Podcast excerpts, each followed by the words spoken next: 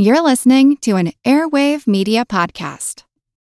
Hey guys, it is Ryan. I'm not sure if you know this about me, but I'm a bit of a fun fanatic when I can. I like to work, but I like fun too. It's a thing. And now the truth is out there. I can tell you about my favorite place to have fun Chumba Casino. They have hundreds of social casino style games to choose from, with new games released each week. You can play for free anytime, anywhere and each day brings a new chance to collect daily bonuses. So join me in the fun. Sign up now at ChumbaCasino.com. No purchase necessary. VGW. Void were prohibited by law. See terms and conditions. 18 plus. The world is constantly changing and transforming. Cut through some of the noise with What's New with Wired, a podcast that goes in depth on the latest news and technology and culture. Their award winning journalism will help you make sense of what's happening in the world. Listen to What's New with Wired wherever you get your podcasts.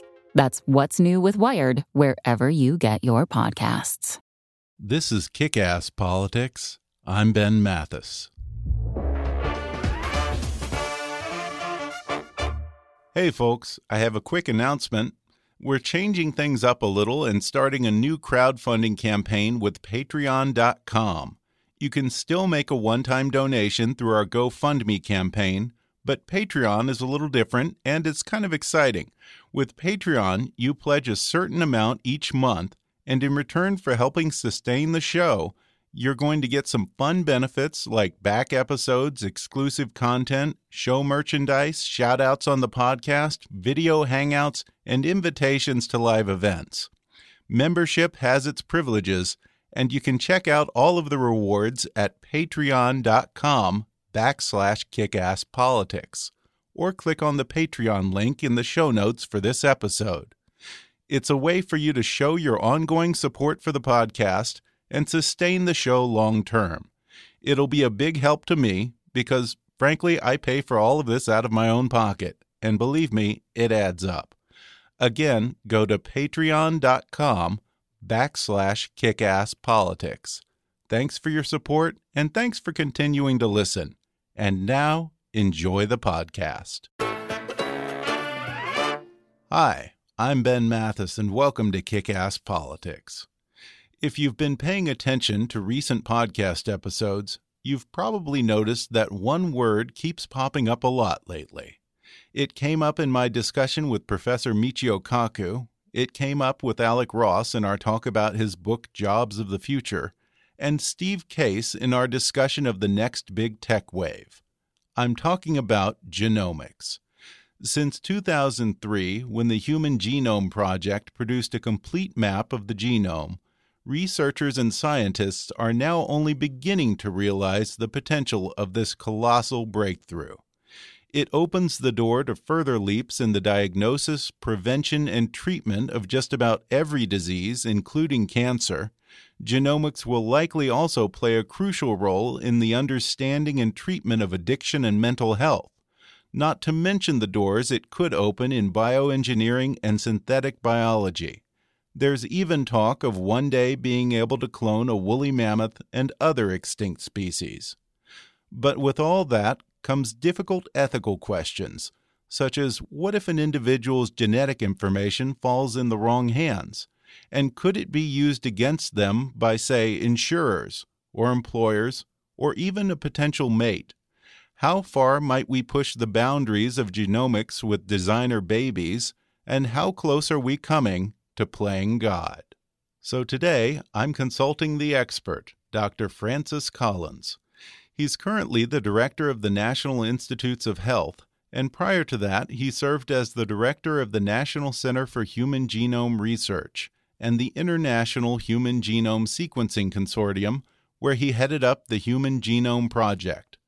Dr. Collins has dedicated his life to genomics, and his work as a quote unquote gene hunter has led to his pioneering of techniques that have dramatically sped up research and led to the identification of the genes responsible for many diseases like type 2 diabetes and cystic fibrosis. An evangelical Christian, Dr. Francis Collins has also been a leader in encouraging conversations about the moral and ethical implications of genomics. He served as president of the BioLogos Foundation, which promotes discourse on the relationship between science and religion and which led Pope Benedict to appoint him to the Catholic Church's Pontifical Academy of Sciences. Among his many other honors, Dr. Francis Collins is also the recipient of the Presidential Medal of Freedom and the National Medal of Science.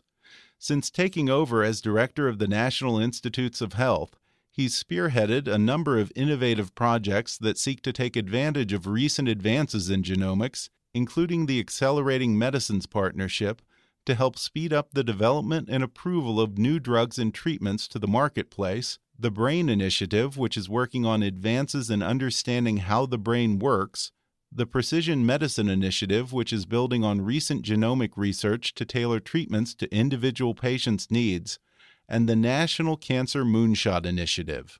Today, Dr. Collins will explain just how genomics works and what the Human Genome Project teaches us.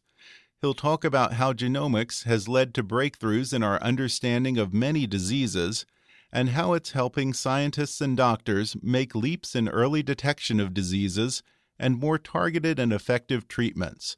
He'll also talk about the limits of genomics and how environmental factors come into play with diseases like cancer, and he'll discuss some of the ethical and regulatory issues coming up with Dr. Francis Collins, Director of the National Institutes of Health, in just a moment.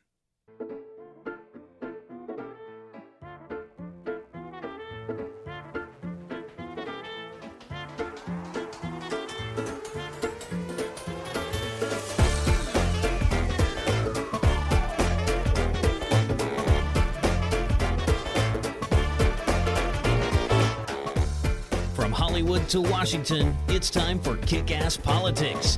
And now here's your host, Ben Mathis. I'm joined over the phone by Dr. Francis Collins, the renowned physician and gene hunter who led the Human Genome Project, which is to this day the largest collaborative biological project in history. And now he's the director of the National Institutes of Health, where he's continuing that work. Dr. Francis Collins, thank you so much for coming on the podcast. Glad to talk with you today. Well, first of all, you led the Human Genome Project, in which, as I'm reading it here, your team sought to determine the sequencing of chemical base pairs which make up human DNA and identify and map all of the genes of the human genome from both a physical and functional standpoint. So, for those of us who aren't gene hunters, put that in layman's terms for us. Sure, I'll try.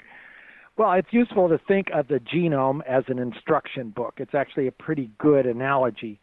And all of us have a genome. We inherited half of it from mom and half from dad. And every one of our cells carries that entire book.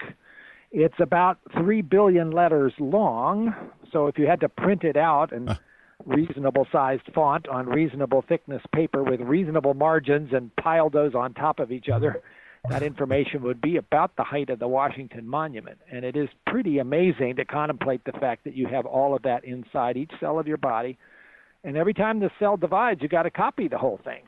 Wow. And until the Genome Project came along, uh, we had little bits and pieces of that instruction book uh, that people had worked on, oftentimes because they were searching for the cause for a particular disease, oftentimes without success.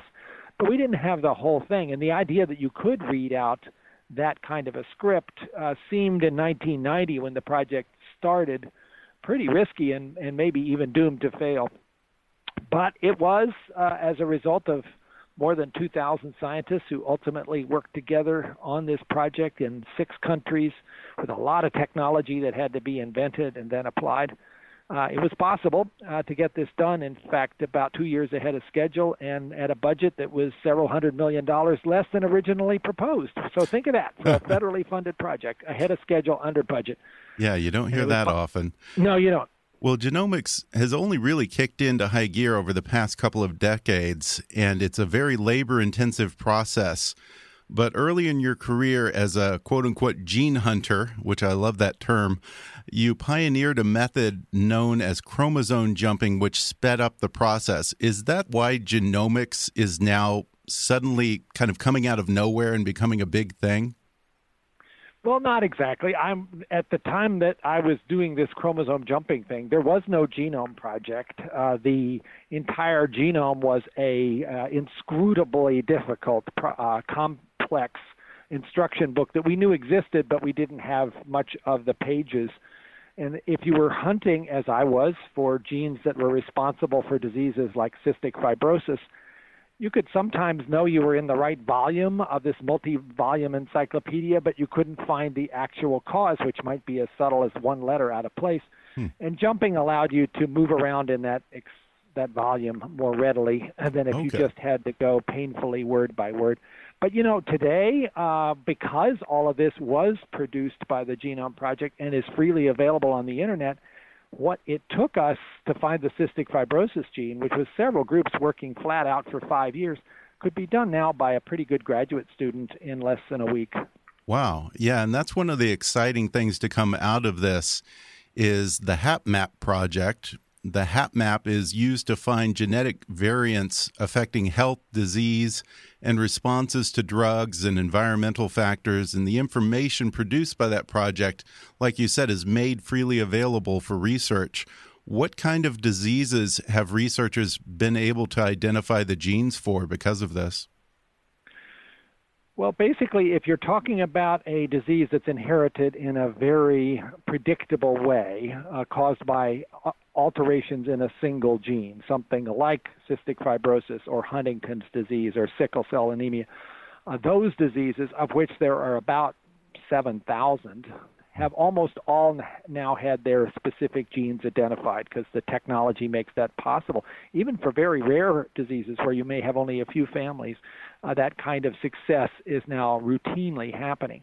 What's more complicated is to try to understand what are the genetic factors in common disorders like diabetes or Alzheimer's disease or schizophrenia or asthma, where you know there are hereditary factors because those diseases tend to run in families, but they're not caused by alterations in a single gene. Instead, it turns out in most of those, there are dozens of genes that have subtle variations that slightly increase your risk depending on which one you have. Interesting. And we've discovered most of those now too because the HapMap and what came after it made it possible even to find those subtle findings.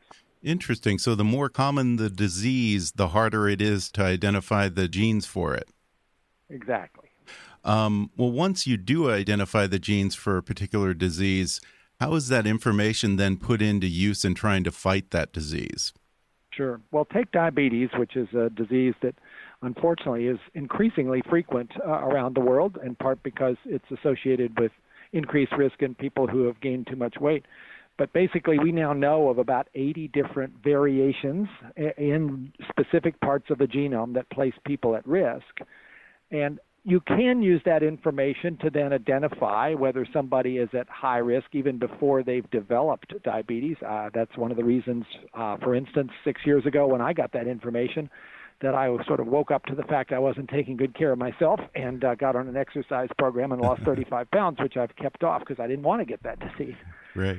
But most of what we learn, because the genetic information, as I said, is not particularly open and shut. It's not yes or no, it's sort of statistical. It does, however, point you to really important discoveries about what is that disease caused by anyway? What are the molecular underpinnings of a disease like diabetes, and what could you do if you know that to develop better treatments? So it's been an increasingly uh, impressive set of insights into drug development coming from the study of the genome. Yeah, it's very exciting. And uh, how has this been applied to, say, cancer? Well, I'm glad you asked because I think cancer has been the place where the study of the genome has had the greatest impact. Let's be clear cancer can have hereditary predispositions. Uh, certainly, families, for instance, that have breast and ovarian cancer and are found to have misspellings in the genes called BRCA1 and BRCA2. Those are hereditary, get passed from generation to generation. We've learned a fair amount about those, but most people aren't in a situation where they have this very high hereditary risk.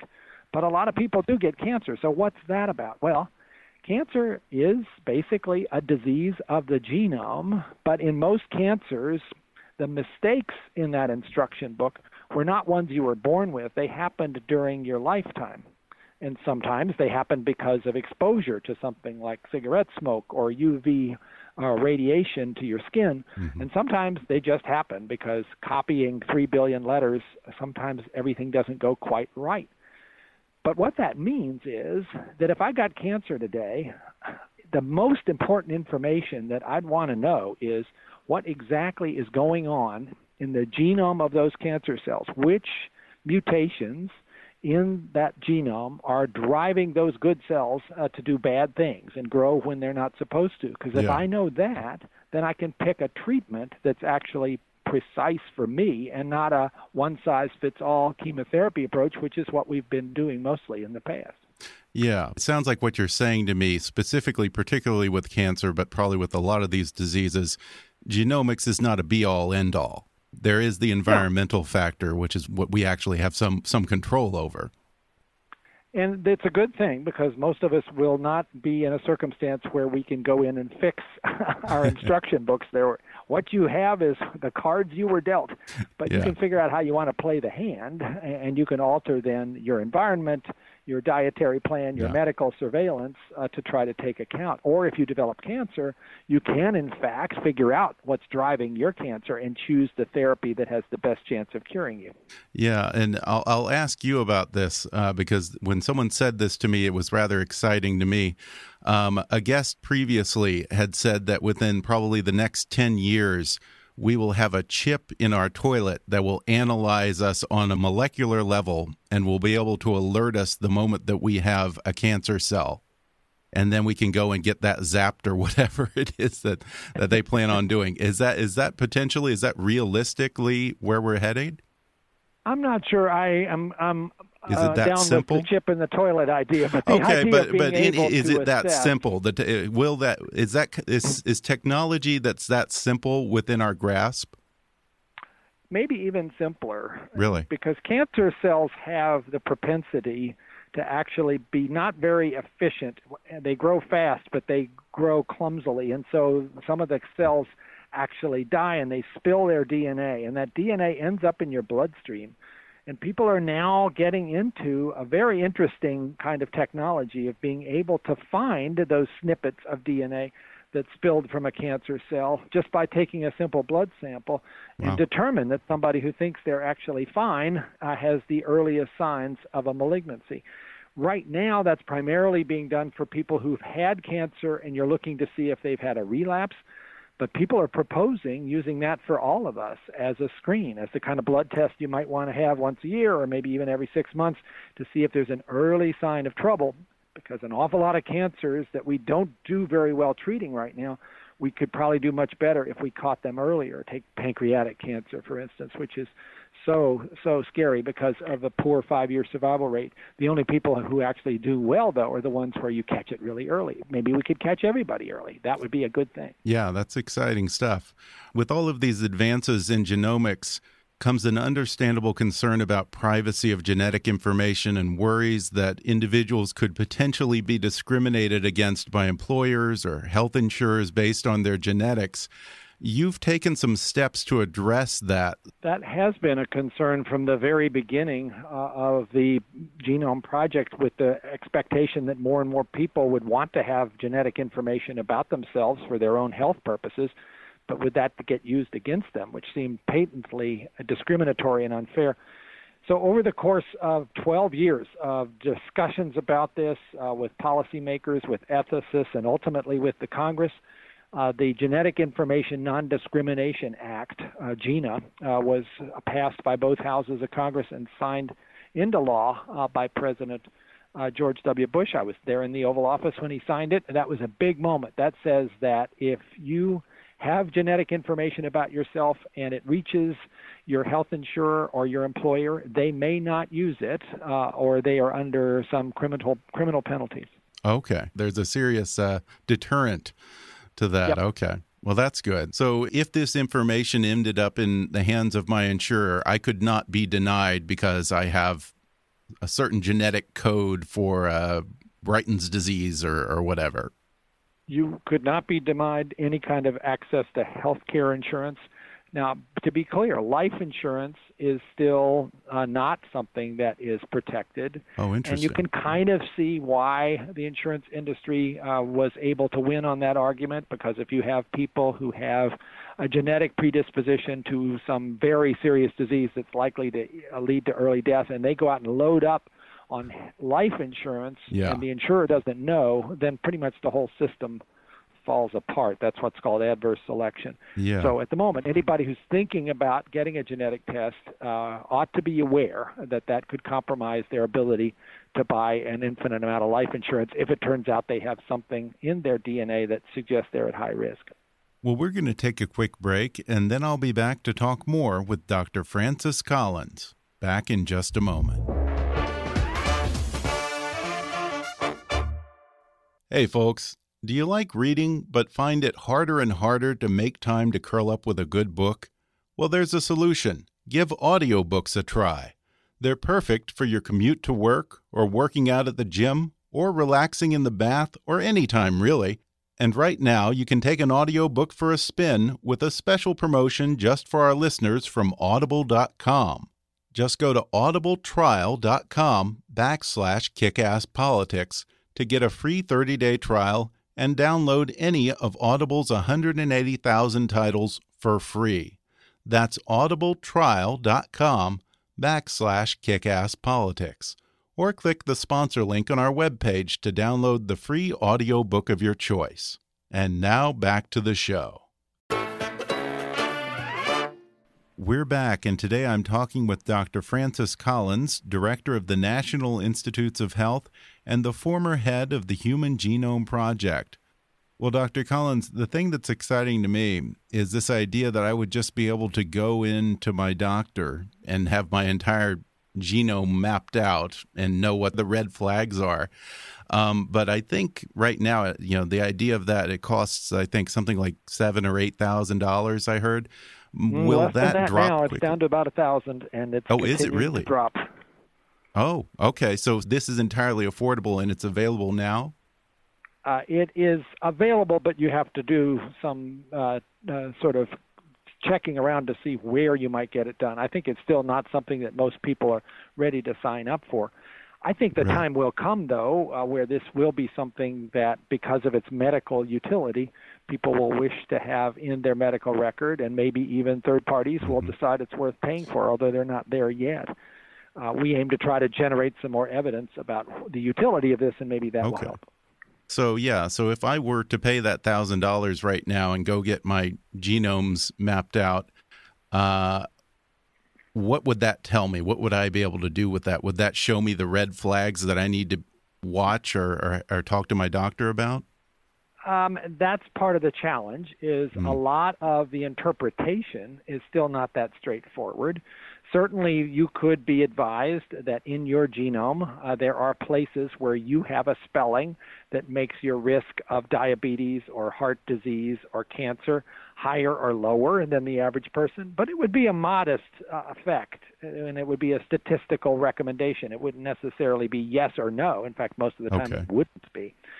So is that kind of information at the present time something people are clamoring for? Well, maybe not so much because it doesn't really have that much action associated with it. One area where I think it will start to be interesting for people to have this information is actually what we call pharmacogenomics, which is a big clunky word, but what it means is if you know your own DNA sequence and you're having a drug prescribed, uh, there's a better chance that the dose can be chosen uh, so that it's right for you as opposed to too much or too little. Or even Okay. a better chance to say, ooh, that's not a drug that you should have because you're the one who's going to have a bad side effect of that. There are more than a 100 drugs now for which we know that information, but it's not being used because most of the time when you're having a prescription written, your DNA sequence is not available. So people just make the best guess, and we kind of do one size fits all drug prescribing. We could do better than that. And I think as more data builds up behind the usefulness uh, of that kind of approach, more and more people will want to have that information in their medical record so the doc can adjust the plan accordingly. This all assumes, of course, that docs will know how to do this, and we have a big challenge getting physicians and other health professionals ready for the era of genomic medicine because most of them have not Right. had the opportunity to learn much about it so far. Right. And this leads into my next question because I want to talk about some of the specific initiatives that have been started on your watch at the NIH. Uh, one of them is the Precision Medicine Initiative. Through advances in research, technology, and policies that empower patients, PMI will enable a new era of precision medicine long envisioned by you and many others, in which researchers, providers, and patients work together to develop more individualized care. Um, you know, we can map the genome and we can have all the information, but if we don't have specific treatments and medicines to target these very specific diseases, uh, then it, then there's no point. How much of us being able to fight disease in the future will come down to being able to come up with very precise treatments and targeted treatments? and also how to keep people healthy because it's about prevention as well. Well, that's exactly oh, really? what this precision medicine initiative aims to do is to develop the evidence that this kind of information can keep people healthy or if they fall ill can do a better job of treating them. To do that, you need a very large group of people because of the individual differences. You want to be able to perceive their effect and you need to mm-hmm. collect a lot of data. And Yeah. let me hasten to say, not just genomic data, but also environmental exposure data and lifestyle and diet and exercise and behavior and all those things that play out in terms of health or illness. So that's what this project aims to do to ask a million Americans to sign up as volunteers and as full partners in this effort and to ask them uh, to make available all kinds of information about their health and, their dietary practices and their electronic health records, uh, to have blood specimens uh, taken and sampled for a variety of different things, including, uh, when it gets affordable, their complete genome sequences. And even to walk around with various wearable sensors that keep track of what their body performance is like that day and what kind of environmental exposures they might have. Hmm. This will be the largest, most comprehensive longitudinal database of America that you could possibly imagine. And we're getting it started this year. And this is pretty revolutionary in terms of the kind of insights that are going to flow from it, but it won't happen overnight. In terms of specific treatments and precision medicine, when you're dealing with large pharmaceutical companies, is there the problem that you get to a point where you know you can come up with a precise treatment, but it's not profitable because there there simply aren't enough customers for that. Well, there is this concern that the more we figure out individual differences and then realize that there aren't going to be blockbusters anymore that you offer to everybody, will that Yeah. ruin the profitability uh, of the drug uh, companies? I don't think so. And- I think most people who've looked carefully at this would say no, because there's a much more balancing kind of effect, and that is that you now have the ability uh, to take people with a particular disorder and identify those that are most likely to respond to a new therapy. And thus, a lot of therapies that would have basically failed in the clinic before because they didn't seem to be working might actually be working quite nicely for 10% of the people, and you'll know which 10% they are, and so that drug will end up getting approved. That should mean then that the failure rate in drug development, which is incredibly high, it's about 99%, uh, will come down, and ultimately then that will improve the financial status of those companies that are trying to build these new medicines. Okay. And another interesting initiative that's been established on your watch, you started the Accelerating Medicines Partnership, which is a public private partnership to increase the number of new diagnostics and therapies for patients and reduce the time and costs of developing them. Um, the largest impediment to new treatments and drugs has been the FDA. Now, the FDA is involved in this initiative. How is that being addressed from their standpoint? Well, I wouldn't agree with what you just said about the FDA being the largest Okay. impediment. I think Yeah. the FDA does what they're asked to do, which is to review data that companies send them about whether a particular drug is safe and effective. And actually, they do a pretty good job of that. They're faster than the Europeans are, for instance. I think Okay. the largest impediment is there just haven't been that many success stories coming to them of new drugs that actually have been shown to be safe and effective, although that's getting better all the time. The Accelerating Medicines Partnership aims, with FDA involved and 10 pharmaceutical companies and NIH, uh, to figure out ways that we could take a lot of the new information that's coming forward about the causes of diseases. In this case, it's diabetes, it's Alzheimer's disease, it's rheumatoid arthritis, and lupus and apply that as quickly as possible to identify new therapeutic pathways that haven't yet been uh, perceived. So this is a open access pre-competitive partnership. All the information's available, but the companies are willing to put their money into this because they too are looking for new drug targets and they think this is a good way to find them by working together instead of everybody behind their own curtain. Okay. In your work as a genome hunter, you have collaborated with a number of researchers targeting specific diseases. And as we've discussed as director at the NIH, many of your initiatives have been about encouraging collaboration, whether it's uh, private pharmaceutical companies, the FDA, government research, colleges, scientific researchers, eh, and scientific researchers and pharmaceutical companies can be famously territorial. Do you run into that very much? Absolutely, but I do think things are moving in the right direction. The Genome Project really started something by the po- folks who worked on that uh, rebelled against this idea of being territorial and agreed that all of the data coming from the Genome Project ought to be made publicly accessible to anybody every 24 hours, and that was pretty radical at the time. But it has become more and more the norm that if you're running a big collaborative effort where the data that you're generating is going to be of great interest uh, to lots of other scientists, and the real goal here is to advance progress, that there's no justification for hoarding your data or even waiting until publication to release it. So many of these projects now are following the Genome Project model of immediate access, and I think that's great. And NIH is certainly uh, in a leadership role here, insisting on that kind of data release and of course we give out a lot of grants and so we have some leverage here about people who accept grants from us the understanding is you're going to have to share you're going to have to make your data available well that's great well uh, one of the other projects that you're working on is the brain initiative it stands for brain research through advancing innovative neurotechnologies. What kind of things are you working on there? Well this is a truly bold effort to try to understand how the most complex structure in the known universe functions, that is, the human brain, with 86 billion neurons in the brain, each of which has about a thousand connections. Uh, this is an incredibly complex, but obviously really important and fascinating structure. And we know a certain amount about how individual neurons in the brain do what they do, and we also can image the brain and even see what's happening in real time by things like functional MRI.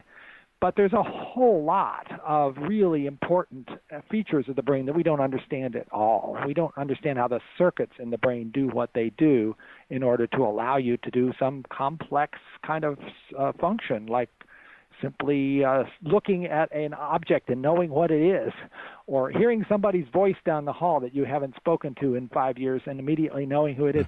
We don't know how you do that.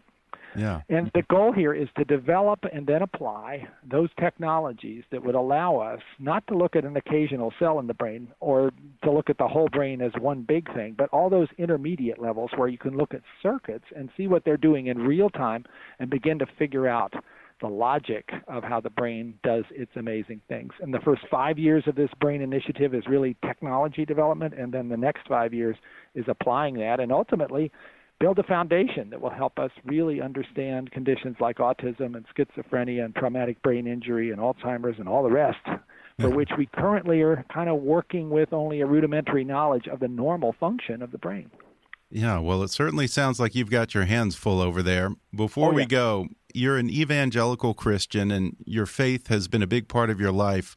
What do you say to Christians who might say they fear that genomics and cloning might be playing God? Well, I think we need to be in those conversations. I certainly would not argue uh, for a minute that science ought to just go forward regardless of its consequences. That would be a very unfortunate stance to take. But I do think that if we sit down across the table and talk with uh, people from various perspectives, uh, regardless of their faith or, or their uh, otherwise sort of ethical framework, we can often come to a pretty good consensus about what things ought to be done and what things ought not to be done. Right now, for instance, there's a debate about whether human embryos ought to be modified, have their genomes edited mm-hmm. using this thing called CRISPR Cas. And the strong conclusion of everybody involved is no, we shouldn't go there. And that would certainly include the Christians, because that would seem very much like playing God, but it includes a lot of atheists as well. So I think our differences in this area of where science should be applied are not as great as some people assume. Yes, and you have shown a lot of leadership in encouraging these conversations among people of faith and scientists and researchers. So uh, you deserve a lot of credit for that. And it sounds like you are doing some truly exciting work over at the NIH. And uh, I think there are more advances going on right now than there have been for probably decades at the NIH. You've, you've really brought it up to speed with the 21st century, and you deserve a lot of credit for that. Well, Dr. Francis Collins, I really appreciate your coming on the show. Thanks for joining me. Nice to chat with you today. Thanks for inviting me. Thanks again to Dr. Francis Collins for coming on the show. You can follow Dr. Collins on Twitter at, at NIH Director. You can learn more about the Human Genome Project by visiting genome.gov and you can learn more about some of the exciting new research going on at the National Institutes of Health at nih.gov. I hope you'll subscribe to Kickass Politics on iTunes and leave us a review. You can also help us reach our fundraising goal for this year and get rewarded by donating to our Patreon campaign at patreon.com backslash kickasspolitics or click on the Patreon link in the show notes for this episode. Follow us on Twitter at, at KAPolitics or visit Kickass Politics on Facebook. And while you're there, recommend Kickass Politics to your friends on your social media. And as always, I welcome your comments, questions, and suggestions at comments at kickasspolitics.com. But for now, I'm Ben Mathis, and thanks for listening to Kickass Politics.